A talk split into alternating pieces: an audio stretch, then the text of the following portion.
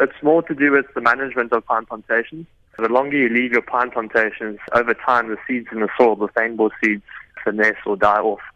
So the sooner you fell your pine plantation, the more, the better recovery you have in fynbos. And that's crucial with limited funds and time for restoration these days. Yeah, we need to try and make strategies to try and maximize a successful restoration of fynbos.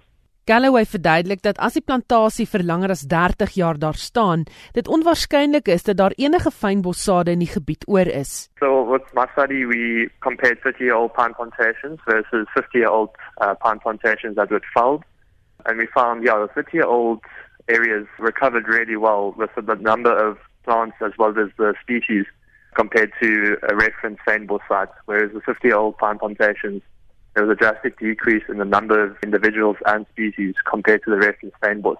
So yeah, that was just a, a, quite a stark contrast to one another. So that just shows you how crucial time is with uh, felling pine plantations. Hy sê hy sou weer fynbossade daar kan plant, maar dit is baie tydrowend en die kostes daaraan verbonde is baie hoog. It takes a bit more time and, and money, but it definitely is possible. Um, my study uh, happened at the Helderberg Nature Reserve in Somerset West. They had a really high success rate of reseeding the areas with protea seeds, and, and it's done really well.